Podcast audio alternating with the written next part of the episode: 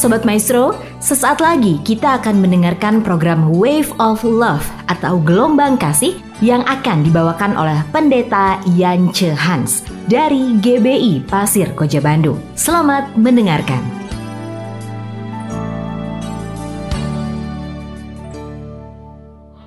Bapa Surgawi, hamba bersyukur atas anugerahmu. Ajar kami sebagai umatmu yang senantiasa setia berdoa untuk senantiasa dan selalu berdoa untuk orang-orang lain di sekitar kami, siapa pun mereka. Biarlah kuasa kasih dari sorga menyertai dan melindungi kami sekalian. Di dalam berkat nama Tuhan Yesus, kami mengucap syukur. Amin. Shalom.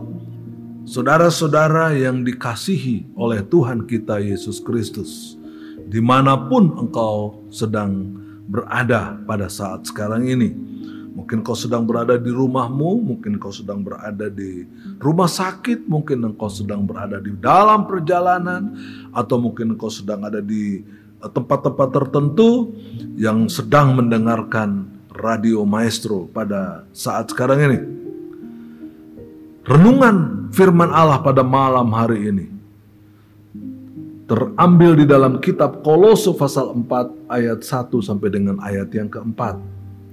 Hai tuan-tuan, berlakulah adil dan jujur terhadap hambamu. Ingatlah sambil mengucap syukur, berdoa jugalah untuk kami, supaya Allah membuka pintu untuk pemberitaan kami, sehingga kami dapat berbicara tentang rahasia Kristus yang karenanya aku dipenjarakan. Dengan demikian, aku dapat menyatakannya sebagaimana seharusnya. Kita perlu mendoakan orang lain, siapa pun orang lain tersebut. Hal yang pertama, bahwa kita menyenangkan hati Tuhan ketika kita berdoa dan mendoakan orang lain. Dalam Yesaya 59, Tuhan tertegun karena tidak ada seorang pun yang berdoa kepadanya mewakili Israel. Yesaya menulis ia melihat bahwa tidak seorang pun yang tampil dan ia tertegun karena tidak ada yang membela. Maka tangannya, tangan Tuhan sendiri memberi dia pertolongan dan keadilannya lah yang membantu dia.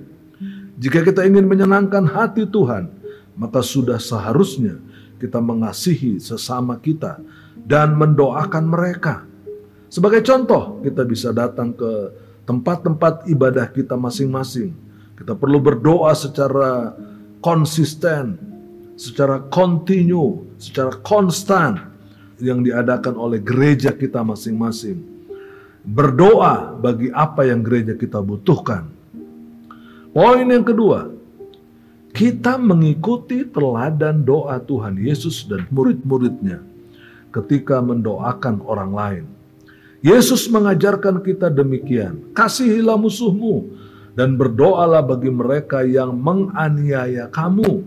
Matius 5 ayat 44. Yesus sendiri menjadi teladan ketika dia meminta Bapa mengampuni orang-orang yang menganiayanya.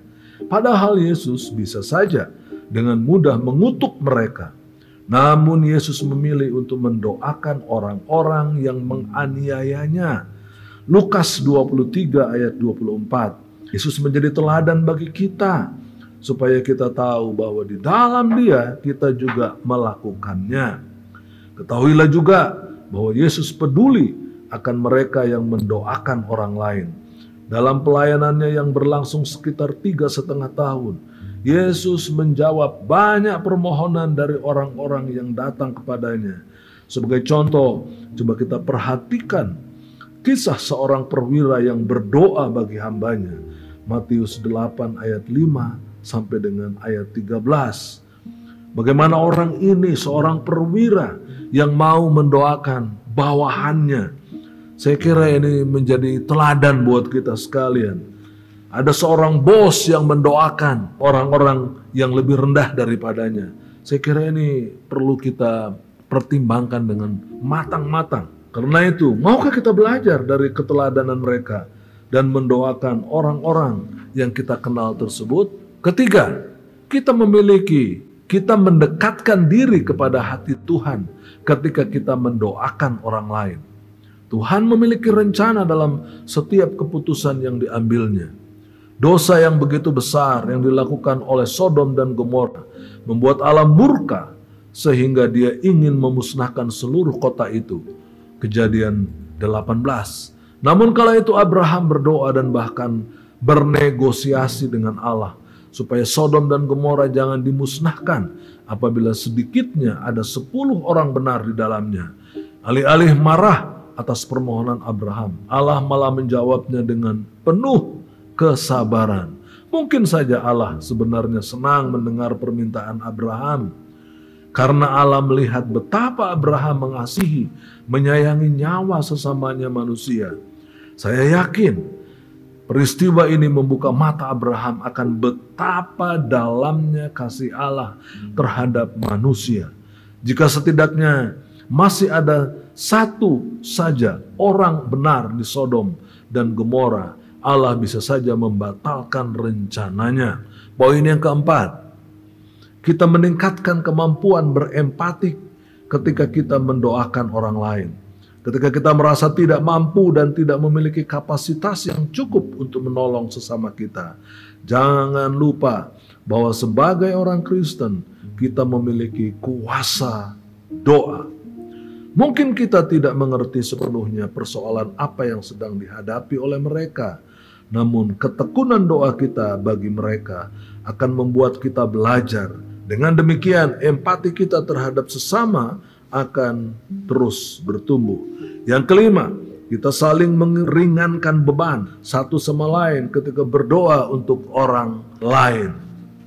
Persoalan yang kita hadapi mungkin tidak akan selesai secara instan setelah didoakan. Namun Roh Kudus mampu menguatkan dan menghibur mereka yang kita doakan. Ketika kita berdoa untuk orang lain, kita sedang mengubah diri kita dari seorang yang egois, seorang yang sombong, seorang yang angkuh, menjadi orang yang mengasihi Allah dan sesama manusia. Ketika teman kita ceritakan pergumulannya kepada kita, pernahkah kita menjawab, "Aku akan mendoakanmu"? Atau pada akhirnya kita tidak melakukannya? Atau mungkin kita malah menganggap jawaban itu sebagai cara ampuh supaya tidak diusik lagi, ingatlah bahwa doa bukanlah sesuatu yang bisa kita permainkan. Tuhan pasti memberkati saudara. Bahkan di dalam Yakobus 5 ayat 16 dengan sangat jelas Alkitab mengatakan, doa orang yang benar bila dengan yakin didoakan sangat besar kuasanya, sangat powerful dan efektif. Karena itu Bapak, Ibu, Saudara-saudara, kalau saudara mempunyai beban doa bagi teman-teman, bagi orang lain, bagi siapa pun yang mungkin di bawah saudara, bagi siapa pun yang mungkin saudara tidak sukai, doakan mereka saudara. Karena saudara mendapat berkat yang luar biasa.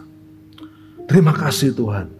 Pakai saya menjadi saluran berkat untuk mendoakan orang-orang yang perlu saya doakan. Tolong pakai saya Tuhan, agar supaya namamu dipuji dan dimuliakan lewat kehidupan saya. Di dalam berkat nama Tuhan Yesus, saya sudah berdoa dan mengucap syukur atas apa yang engkau telah berikan. Talenta doa yang engkau berikan kepada saya. Biar kemuliaan sorga senantiasa menyertai teman-teman saya, menyertai orang-orang yang saya doakan, menyertai jemaat saya yang saya doakan, menyertai eh, bawahan-bawahan saya, mungkin di kantor saya, mungkin di tempat di mana Tuhan mempercayakan saya memegang jabatan di sebuah perusahaan.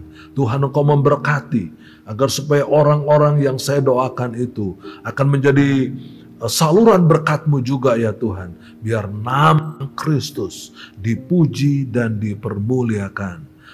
Anugerah yang besar di dalam kasih karunia Tuhan Yesus Kristus itulah. Haleluya. Amin. Sobat Maestro, Baru saja kita mendengarkan program Wave of Love atau Gelombang Kasih dari Pendeta Yance Hans. Hadiri ibadah GBI Pasir Koja pukul 7, 9, dan 16 di Jalan Pasir Koja nomor 39 Bandung dan pukul 9 dan 17 di Taman Mimosa nomor 11 Taman Sakura Indah Bandung.